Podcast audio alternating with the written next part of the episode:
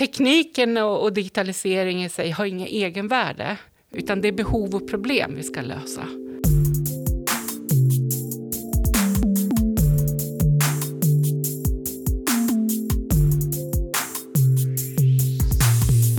Hej och välkommen till det 36 avsnittet av FoU-podden. Dagens avsnitt kommer att handla om tre nya högskoleprogram som alla har någonting med välfärdsteknik och digitalisering att göra. Jag som gör podden heter Lena Stenbrink och är kommunikatör på FoU Sörmland. Och eh, med mig här i studion har jag Kristin Gustafsson, Anders Widmark och Karl Schultz. Varmt välkomna. Tackar. Tack. Tack. Vi börjar med att ni berättar vem ni är och varför ni är med i just den här podden. Kristin Gustafsson, Mälardalens högskola. Jag har en bakgrund som sjuksköterska, men har varit verksam i akademin i ungefär 20 år. Eh, vi har nu eh, utvecklat ett nytt masterprogram i hälso och välfärdsteknik, som vi kallar det. Hej, Anders Widmark heter jag och eh, jobbar också som Kristin på Akademin för hälsa, vård och välfärd på Mälardalens högskola. Har gjort så i två år. Jag är sjuksköterska i botten och jobbar som programsamordnare för två nya program som utges inom kommunal hälso och sjukvård eller hälso och sjukvård i hemmet och inom akutsjukvård. Ja, Karl Schultz heter jag, är projektledare för Noden för välfärdsteknik och digitalisering. Och jag har ju varit med i podden tidigare, men eh, tänkte att det här kan vara ett intressant tillfälle också att få lite information just kring masterutbildningen. Mm. Eh, och vilka samverkansmöjligheter som finns mellan Norden och utbildningen på MDH. För det tror jag är en kärnfråga, det här med samverkan. Dels med verksamheterna, de som ska anställa de här personerna vi utbildar, men också med, med mer stödfunktioner som FoU Sörmland och Nåden för välfärdsteknik och digitalisering är också. Vi måste samverka mer och det sägs ju från alla håll i samhället idag. Mm. Mycket av de här utbildningarna som är framtagna också, om man, om man tittar då på utbildningen hälso och sjukvård i hemmet och även den eh, utbildning som vi har med inriktning mot intrahospital akutsjukvård, är ju framtagna i samverkan där vi har efterfrågat avnämarnas behov av någon form av utbildningsinsatser. Vad gäller akutsjukvård så är inte det unikt. Vi vet att vi behöver specialistsjuksköterskor inom akutsjukvård, men den kommunala biten i detta som vad ska jag säga, dockar lite mer mot FoU Sörmland. Där lokaliserade vi ju ett helt nytt behov och det gjorde vi ju just genom samverkan. Så att jag tror precis som Kristin att samverkan är verkligen ett honnörsord vad gäller det här med utvecklande av utbildningar. För vi ska, vi ska ju skapa utbildningar som är anpassade efter vårdens behov. Eh, och inte, vi ska inte fabricera ihop utbildningar bara för att vi tror att det finns ett Nej. behov.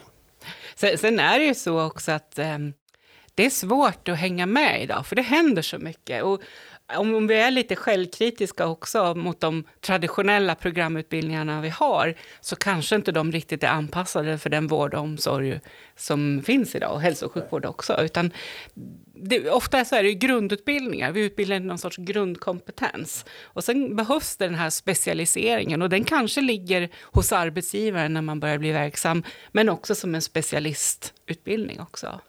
Men jag kan berätta också om det här masterprogrammet i hälso och välfärdsteknik. Man kan egentligen se det som ett beställningsjobb också. Det ligger i ett projekt, ett samarbete med Eskilstuna kommun som heter Sörmlandskontraktet. Och beställningen från början var att de ville att vi skulle profilera sjuksköterskeprogrammet mot hälsoinformatik. Och då började vi titta på det här. Och, och då bara för att ta Eskilstuna som ett exempel. Vård och omsorgsförvaltningen har ungefär 3 000 anställda. Och av dem är 100 sjuksköterskor.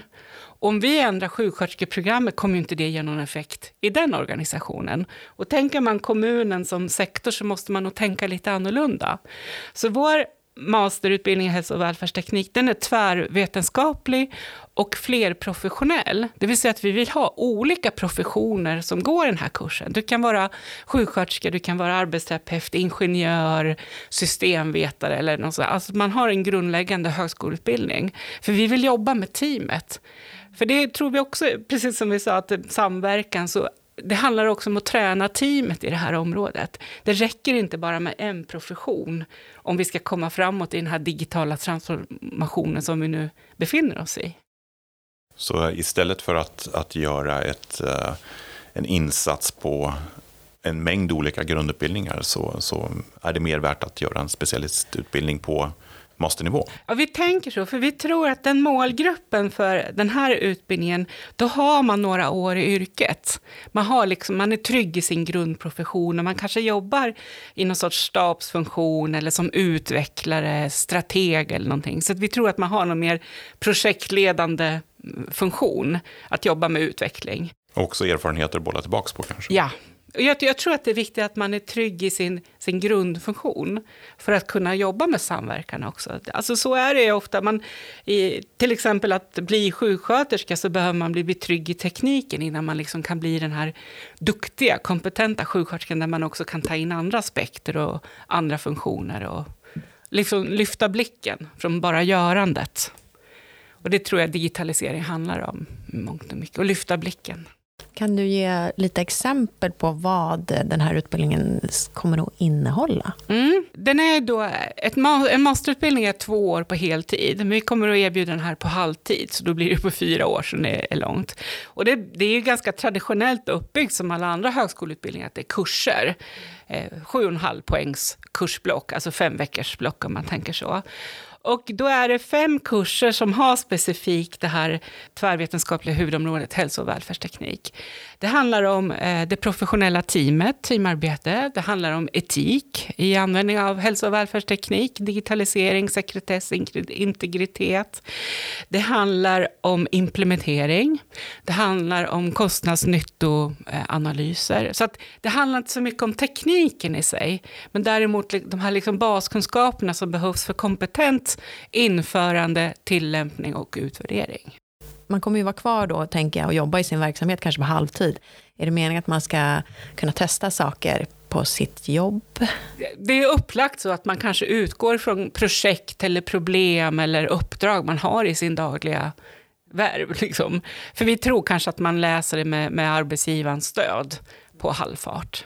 Nu är det här, vad jag förstår, landets första utbildning specifikt mot välfärdsteknik och digitaliseringsfrågor inom eh, vården och omsorgen.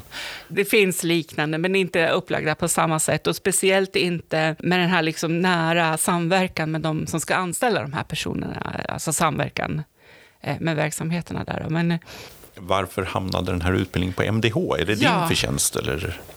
Jag, jag, vill inte ta på mig det personligen, så, men vi har ju arbetat medvetet att bygga upp hälso och välfärdsteknik på Mälardalens högskola. Och det är ju ett tioårigt arbete kan man säga. Dels då att vi har satsat på forskning inom det här, men också att utveckla området. Och nu är vi liksom redo att ta klivet mot utbildning också. Så parallellt med att vi startar det här masterprogrammet så finns det också ett pågående arbete där det ska finnas hälso och välfärdsteknik i alla våra programutbildningar på Akademin för hälsa, vård och välfärd sjuksköterskeprogrammet, socionomprogrammet, beteendevetenskapliga programmet, folkhälsoprogrammet och fysioterapeutprogrammet. Men hälso och välfärdsteknik eller digitalisering ser ju olika ut för olika professioner, så varje program eller profession måste ju skapa sin del. För ett program så kanske det handlar om att man skapar en specifik kurs i det här, och för andra program kanske det är liksom en strimma i, i utbildning eller en röd tråd eller något sånt där. Så att det, det är ett medvetet arbete. Men vi måste också ha forskningsbas för det vi gör. Vi ska inte hålla på med utbildningar vi inte kan liksom ha forskningsbas för. Så det här är också ett parallellt arbete då att bygga upp kompetensen. Så i, i det här programmet igen då, så alla lärare ska också vara aktiva forskare. Det är jätteviktigt att få ihop den delen. Har du någon bild eller vision av hur det här skulle kunna se ut konkret när de kommer ut i arbetslivet efter utbildningen? Ja, dels då så tror jag, som jag sa, att man är yrkesverksam, så det här kommer ju liksom ge effekter redan under utbildningen, för att man skapar sig kompetenser och förmågor att genomföra det här, kanske mer strukturerat och målmedvetet, och inte drabbas av det här, liksom, nu ska vi digitalisera. Det blir så stort och ogreppbart, utan låt oss identifiera ett problem och ett behov, och så börjar vi med det. Och så får man också tillåta sig att bygga upp arbetsprocesser och så. För att tekniken och, digitaliseringen digitalisering i sig har inget egenvärde, utan det är behov och problem vi ska lösa. Det är det, och det, vi måste hamna där. Det kan inte bara handla om att nu ska vi ta in produkter, utan ja, först vad är det för problem eller behov vi har? Och sen får man jobba med hur man ska lösa. Och då kan digitalisering, välfärdsteknik vara en del av lösningen. Så den stora kärnfrågan tror jag egentligen är avancerat förändringsarbete. Och det är svårt. En del som, som Anders också jobbar med i de utbildningar som du företräder, det är också det här med digital simulering. Och det är ett spännande område. Ja, men det är ganska spännande. De här utbildningarna som parallellt då startar med masterutbildningen då, hälso och sjukvård i hemmet och akutsjukvård. Här har vi sett inom de kontexterna att vi behöver också lägga in någon form av klinisk träning för att vi som blivande specialistsjuksköterska, för de här programmen vänder sig ju till sjuksköterskor eh, som läser vidare till specialistsjuksköterskor, varav då specialistsjuksköterskeexamen inom akutsjukvård är är en specialistsjuksköterskeexamen som har funnits ganska länge, sedan 2013 någonstans. Men specialistsjuksköterskeexamen i hälso och sjukvård i hemmet, den har inte funnits tidigare, utan det här blir ett helt nytt grepp. För att kunna agera patientsäkert eller personsäkert i de situationer som vi försöker lära ut så måste vi också kunna erbjuda möjligheten att träna med reella patienter. Och det är ju det vi gör vid de tillfällen som vi erbjuder våra studenter verksamhetsförlagd utbildning. Men vi vet också att bristen på platser vad gäller verksamhetsförlagd utbildning, den är stor. Så att verksamheterna mäktar inte med att ta emot så stora kvantiteter av studenter. Dessutom så vet vi att alla de placeringar som, som erbjuds oss kommer inte att kunna svara upp mot de lärandemål som finns. Och en lösning på det, det är just det här med digital simulering. Där eh, studenterna får träna reella vårdsituationer utifrån lärandemål mm, i en digital miljö. Jag vill faktiskt säga att vi är unika i Sverige eh, avseende att lyfta in det fullgradigt i utbildningen. Det finns ett lärosäte till som använder sig av digital simulering idag. Men vi har nog gått steget längre för att vi kommer att använda den digitala simuleringen, inte som en ersättning till VFU, verksamhetsförlagd utbildning, utan som ett komplement för att kunna examinera det vi faktiskt vill lära studenterna. Hur funkar den här digitala simuleringen? I, i praktiken så kan den fungera på flera olika sätt. De här utbildningarna är ju också på halvfart. De är på distans och fullgradigt på distans, vilket innebär att du ska kunna genomföra utbildningen oberoende av tid, rum och geografisk lokalisation. Det här innebär då att du kan sitta i hemmet via din dator och träffa den här patienten som vi har anmodat dig att ta hand om så att säga. Eh, och då gör du det i hemmet under en begränsad tid där du också då får en löpande återkoppling hela tiden. Så, så, så per definition så träffar du en inom situationstecken riktig patient i ditt eget hem. Man, man, kan ju tänka sig de här, vi, vi har ju såna här övningsrum med dockor, avancerade dockor, de här Lärdal-dockorna.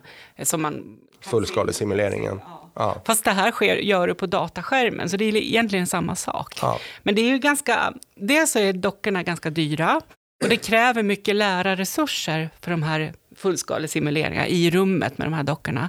Det här gör du i en, ett mjukvaruprogram på din dator. Om man tänker det här SimCity ungefär, det liksom ger en bra bild tycker ja. jag. Fast du är i ett akutrum och så kommer in en patient och så får man en patienthistoria, vad som har hänt. Och klockan börjar ticka när du startar det här. Och så ska du göra olika saker för att bota, rädda... Rädda livet, du ska ställa rätt frågor, du ska eh, jobba igenom på det sättet. Sen kan du också, du kan teamarbeta, eh, för du kan ha samma patientfall eh, utifrån att du har tio olika studenter som ska samverka eh, oavsett var någonstans i landet du sitter någonstans. Så har du en dialog och, och precis som Kristin säger, du, du ska genomföra korrekta omvårdnadshandlingar för att rädda livet på, på den här patienten som, som du tilldelas att ta hand om.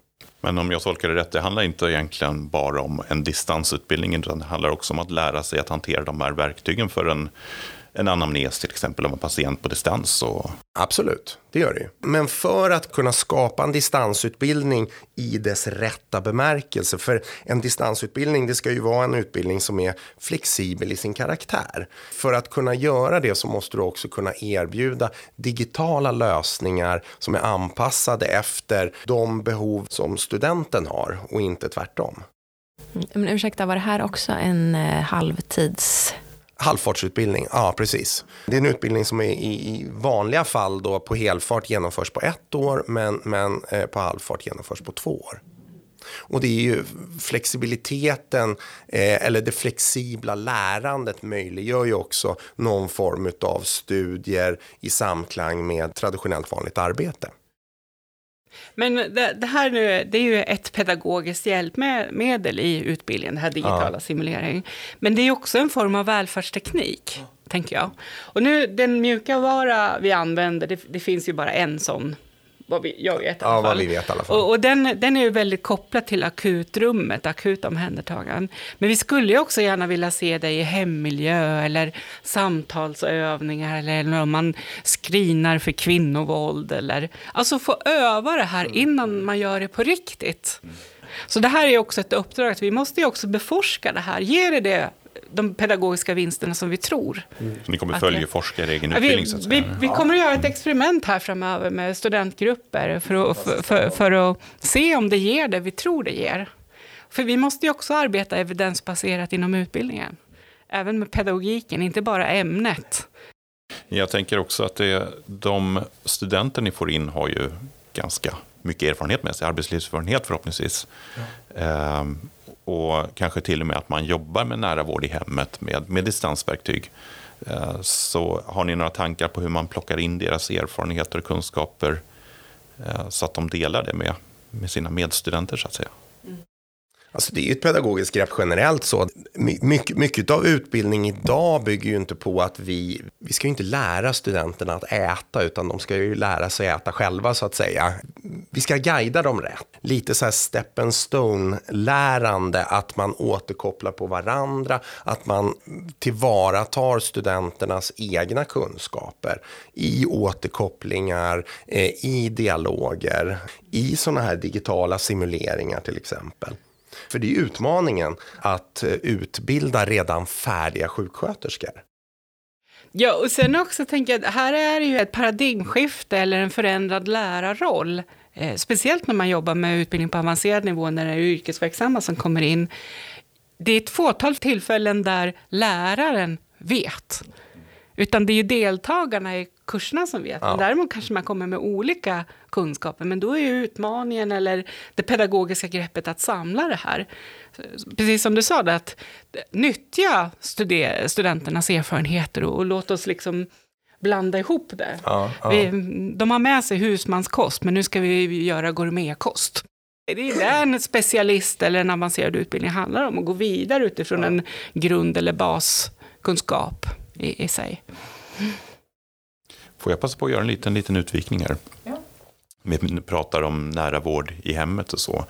Eh, så är ju det någonting som är aktuellt eh, i många kommuner och regioner. Eh, och det pågår en hel del projekt också här i Sörmland. Hur ser man på att vårdpersonalens arbetsmiljö hamnar i patientens hem? Vad finns problematiken där och vad finns jag skulle säga att det, det är unikt. Jag menar, om, om vi tittar på nära vård och, och framförallt den utredning som, som Anna Nergård nu eh, genomför vad gäller nära god vård i hemmet så, så bygger ju den mycket på att vi ska bedriva vård i hemmet. Dels så vet vi att den intrahospitala vården inte mäktar med det stora inflödet av eh, framförallt en begynnande äldre population. Eh, och, och, så sen så, så vet vi också att den goda vård vi kan ge i hemmet, den är optimal också. Så att paradigmskifte, ja, nu, nu är vi verkligen inne i ett paradigmskifte där god nära vård kommer att vara ett honnörsord och ett måste också för att, vi ska, för att vården överhuvudtaget ska orka med. Det är klart att det är en utmaning att få en arbetsmiljö som är i människors hem. Eh, och det ställer ju då arbetsmiljölagmässiga krav på det. Men det finns ju också en fråga att få sitt hem omgjort till institution utifrån ett patient eller brukarperspektiv också, som vi också måste respektera. Och det är, det är en tuff etisk fråga. Eh, speciellt om man då lever ett familjeliv där det är anhöriga också, där det kommer in personal i min privata sfär. Alltså det är, det är inga lätta frågor. Så det är liksom två sidor på det här, eller kanske tre egentligen, för det är också en arbetsledarfråga i sammanhanget. Vem är arbetsledare när du bedriver vård i någon annans hem?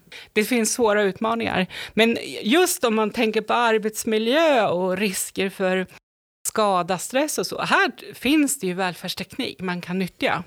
Till exempel det här med eh, sängar som gör att man kanske kan bli mer självständig, att du inte behöver två personer som hjälper dig med förflyttningar. Man kanske kan minska det till en. Och det finns också så här, vad ska jag säga, muskelförstärkande robotik. Och, så här finns det ju mycket att göra, men, men, vi är inte riktigt där än. Dels så är tekniken ganska dyr och sen vi, har vi dålig koll på vad som finns. I den vad ska jag säga, kliniska, praktiska verksamheten, kommun, landsting, så är det svårt att hålla sig ajour. Vi som ändå jobbar i det här ser ju liksom på utbudet att man skulle kunna sysselsätta sig på mer än heltid och åka runt på alla dessa konferenser och mässor som finns. Och, och då känner man varje gång, tycker att oj då, nu har det hänt mycket här. Men det händer extremt lite i den praktiska verksamheten när jag började med det här ungefär för tio år sedan så stod vi inför det här att vi trodde att om fem, sex år kommer det finnas så mycket välfärds tekniska hjälpmedel att välja på, så vi kommer att ha svårt att välja. Men om man tittar på den kommunala äldreomsorgen idag, vi jobbar med samma tekniska produkter som vi gjorde då. Det är nattlig tillsyn, det är kanske någon sorts eh, kontaktbesök med hjälp av någon videokonferensutrustning och så är det trygghetslarm. Det, alltså det går så långsamt. Och man kan fundera varför, för det finns tekniken. Det där går jag att fundera jättemycket på. Men en del tror jag är att mycket av den tekniken som finns är utvecklad utifrån tekniska möjligheter. Vi, vi är inte riktigt där och talar om vilka behov eller problem eller vad vi vill ha. Och då är det ofta så att den här tekniken löser bara en liten del av behovet. Kan du ge exempel ja, på jag, jag någon? Tänkte, ett, ett sånt exempel är de här eh, duscharna som börjar komma, mm, alltså någon form av robotduschar eller vad man nu kallar dem. Och, då när jag pratar med leverantörerna här, då, då har de tittat på duschen. Liksom. Man ska in i duschen. Det kan vara en stol som åker ut, jag förflyttar mig över till stolen, stolen åker in och så stängs dörrarna och så går det igång ett spolprogram. Och sen när det är där färdigt så åker stolen ut och så är det klart. Men för mig så är duschen en process, duschmomentet. Jag ska bestämma mig att jag vill duscha, jag ska få av mig kläderna, jag ska in i duschen, jag ska tvätta mig, eh, jag ska ut i duschen, jag ska torka mig, jag ska få på kläderna. Det är liksom duschprocessen. Och så länge leverantörerna tänker bara på spolprogrammet, då löser vi inte problemet. Och, så tror jag man kan tänka liksom som många eh, behov eller problem i vård och omsorg, att det är mer en process än ett enstaka isolerad aktivitet. Men jag tänker spolprogram. Ja, men det, jag menar, man vill väl välja själv hur man duschar. Det är väl inte själva duschandet, är det inte att ta sig in och ut och göra det här allt andra som du sa, ja, som är problemet? Ja, men, men när, när då en, nu ska jag raljera lite då, men när, när då en ingenjör tänker dusch, då är det spolprogrammet man tänker. Sen kan du aldrig få liksom en välfärdsteknisk produkt att ersätta duschen när du klarar det själv. Det, det kan aldrig bli samma, liksom det här när man får stå och njuta och tvåla in sig och ja, vad man nu gör. Men det kanske är good enough utifrån att du kan klara det själv. Du behöver inte ha en annan människa med dig inne i duschen. Och det, jag tror det är liksom där någonstans vi måste ha diskussionen vad är good enough i det här sammanhanget? Men det räcker inte bara med duschmomentet inne i duschkabinen, utan det är det här före och efter också. Och det är där kanske svårigheterna ligger som, som då eh, kräver resurser. Så det, det, är ett exempel. Och så tror jag man måste tänka liksom på alla de problem vi lyckas identifiera. Att det är bara inte ett moment. Jag tänker också att, att verksamheterna måste, måste ge utrymme för att våga innovera. Idag handlar det mer om att hålla näsan ovanför vattnet hela, hela tiden. Istället för att se vad, vad, hur, hur håller vi näsan över vattnet på, på ett lite bättre sätt. Men, men det är också en, vad ska jag säga, en vana eller kulturfråga. Vi, vi från vård, omsorg och hälso och sjukvård, vi är, vi är vana eller skolade att vara lite passiva mottagare. Mm. Men jag, jag, tror att vi måste öva oss och, och, premiera kanske lite initiativtagande eller vara del i innovationsprocesser och tala om vad är det vi vill ha. Men där är också en utmaning, för jag hade en, en undersköterska från eh, äldreomsorgen som sa, jag skulle vilja ha en robot som plockar upp tvätten när den kommer från tvätteriet. Sen, kan man ju fundera på, liksom, är, det, är det bästa sättet att hålla på och plocka med saker, eller kan man lösa det på annat sätt? Men nåväl, de lägger tid på det att plocka in ren tvätt i förrådet. Och är det där vi ska lägga tiden på eller är det patientnära eller brukarnära vård? Ja, så gick jag till mina robotikkompisar på Mälardalens högskola och sa, en robot som plockar upp tvättförråd. De bara, gud vad tråkigt. Vi vill ju jobba med robotproteser eller så här ögonstyrda datorer och sådär. Och då förstår man ju inte riktigt marknaden. Ja, eller behoven. Liksom, hur många är det som behöver en protes kontra hur många vård och omsorgsboende idag skulle köpa en robot som plockar upp tvätten. Så, så det här är ju också en utmaning i sig. att få problemen lite attraktiva eller lite sexiga, eller vad man ska säga, så folk går igång på det. För det, det krävs ju engagemang och lust i, i innovationsarbete. Men handlar det inte om en förståelse då också? Jag menar, om vi har en robot som hjälper oss att plocka upp tvätten så har vi mera tid för det fysiska mötet så att säga. Ja, så mer tjänstedesign i innovationsarbete tänker jag. Det passar oss bra på Eller hur? Det passar oss bra. Ja. Ja, men, och där tror jag ni har en, en viktig roll i det här arbetet också, att hjälpa till, liksom, att stödja innovationstänket i verksamheterna, för vi är inte vana med det. Vi, jag, jag, ja. Ja, jag märker mer och mer tycker jag när jag pratar med kommunerna att man tänker i form av process mer och mer, går ifrån teknikfokus. Eh, och det är också så att man diskuterar, om man inte redan har gjort det, att, att man ska ta makten från IT-avdelningen i de här frågorna och istället ha ett verksamhetsperspektiv och prata behov eh, istället för att fokus ligger på hur integrerar vi den här tekniska lösningen på bästa sätt. Och sen kommer processen i andra hand och läggs, tekniken läggs bara ovanpå den befintliga processen. Om vi ska tänka tillbaka lite till de här olika högskoleprogrammen nu då och eh, Noden, NVD. Vad, vad, tror du, Kalle, och ni andra också? Finns det några samarbetsmöjligheter eller något utbyte man kan ha varann? Det tror jag absolut. Nu eh, är ju inte jag den som eh, känner utbildningen bäst i det här sällskapet. Eh, men eh, jag blev ju rätt exalterad när jag hörde talas om det här. Eh, för det kändes som något ganska unikt ändå och väldigt närliggande fysiskt också. Vi finns ju granngårds här i alla fall. Och vi jobbar lite ihop redan idag. Och vi från FOUs sida så vill vi jättegärna jobba med studenter i högre utsträckning än vad vi gör idag. Och om man tittar på de studentsamarbeten vi har haft i en väldigt liten skala hittills så har det varit ofta gentemot grundutbildning.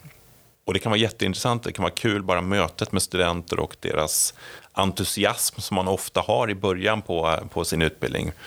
Eh, men de, nackdelen där är att de har ju ofta inte speciellt mycket erfarenhet med sig och inte så mycket kunskaper heller kanske. Eh, så man får lägga projekten på en, en rimlig nivå i förhållande till deras eh, förkunskaper. Men om man jobbar gentemot masterstudenter som dessutom har en arbetslivserfarenhet med sig, då kan man ju verkligen snacka om ett ömsesidigt utbyte, tänker jag. Mm. Det, det, ja, dels det, och sen också tänker jag att de här personerna som vi utbildar kanske också är era samarbetspartners. Ja kanske under utbildningsresan, men också sen också i, i de funktioner som de har. Och det ni kan erbjuda i, i sammanhanget. Ja, antingen är de det, ja. eller så kan de bli det, ja. tänker jag också. För att en del av vår roll är ju att förmedla kunskap. Och att förmedla kunskap kan ju vi göra eh, på olika sätt, men, men man kan ju också förmedla kunskap genom nya medarbetare kanske, potentiellt sett. Att, att kommunerna får upp ögonen för de här, den utbildningen och vilka studenter som faktiskt finns där. Mm. Och jag, jag, tänker också att vi kanske också måste våga vad ska jag säga, prioritera eller dela upp oss lite. Att någon eh, region blir bra på trygghetslarm och så lägger man fokus mycket där och så får de vara ledande i Vingåker blir bra på trygghetslarm och så får de vara ledande i vår region i trygghetslarmsutvecklingen eh, och uppföljningar och så här. Och så lyssnar andra kommuner på det. Och någon annan väljer eh, nattlig tillsyn eller något sånt där. Liksom att vi också vågar, så att alla måste inte göra allting likadant. Och då är vi tillbaka till det här nyckelordet som vi började med, samverkan, som alla pratar om, men som är så svårt att få till i praktiken. Och alla kommuner som jag är ute och pratar med, de eh, förstår behovet och vill verkligen samverka, men det är så lätt att den, det dagliga arbetet eh, tar all tid. Men jag tänker där igen då, FoU Sörmland kanske är då den här neutrala platsen som kan samla ihop det här och också se att det här området eller kommunen är extra kompetent, här man är bra, har bra personer kom, eh, och förutsättningar att vara ledande här. Ja, jag, tr jag tror och hoppas det och jag tror också att eh, man kan inte prata samverkan, man kan nätverka sig till döds om man jobbar konkret i ett projekt kring ett, ett speciellt tema eller man har ett fokus så att man, ska, man ser nyttan med en, eh, utkomsten av projektet, då, då kan man få till verklig samverkan. Och jag, jag tror vi också ska liksom börja prata mer samproduktion. Då får ja. man mer ett ansvar. Inte bara verka tillsammans, utan vi ska också producera någonting. Mm. Nu har ni ju berättat ganska mycket faktiskt om de här utbildningarna och välfärdsteknik och så. Men om man nu skulle vilja veta ännu mer och hitta information kanske om programmen och så, har ni tips på var, var hittar vi det? Ja, jag skulle ju säga att det allra, allra bästa är att gå in på vår hemsida. Eh, söka upp de respektive programmen, masterprogrammet eller eh, magisterprogrammen. Därefter så, så kan man läng- scrolla sig längst ner och där står våra kontaktuppgifter också. Och man är hjärtligt välkommen att ta kontakt med någon av oss. Mm. Och hemsidan är ju mdh.se. Och, och, är det så att det dyker upp spännande nyheter som rör utbildningen så kommer vi ta upp det i vår blogg till exempel. Och jag kan lägga länkar till utbildningarna faktiskt i eh, texten. Ja, Jättebra. men det är toppen. Ja. Mm. Har ni något annat tips eller något som ni tycker vi har missat? Det kanske kommer för sent, men jag tänker skillnaden magister-master behöver man. Skillnaden är ju ett år i princip. så. Ja. Eh, och, och, en master det är ju det är en two year master internationellt och, och en magister är en one year master internationellt. Eh, och magister är vi egentligen bara eh, Sverige som har eh, än så länge. Och det vi lägger fokus mycket på det är ju självklart då examensarbetet, eh, magisterarbetet. Men vi lägger ju också ett stort fokus på det här med specialistsjuksköterskeexamen. Mm. För vi vet ju att behovet av specialistsjuksköterskor i Sverige är gigantiskt. Och det blir bara större och större. Och, och vården blir mer och mer specialiserad och de här spetskompetenserna behövs verkligen. En viktig sak tänkte jag. Nu har vi ju pratat om det här som program, men det finns ju också möjlighet att läsa alla kurser som fristående kurser, om man inte vill förbinda sig på de här långa programtiderna. Men tack så hemskt mycket för att ni kom och berättade om de här, så hoppas vi att ni får studenter nu då. Ja, ja. det hoppas vi. Och till dig som har lyssnat så vill jag säga tack för att du har lyssnat och hoppas du även vill höra nästa avsnitt av FoI-podden. Hej hej!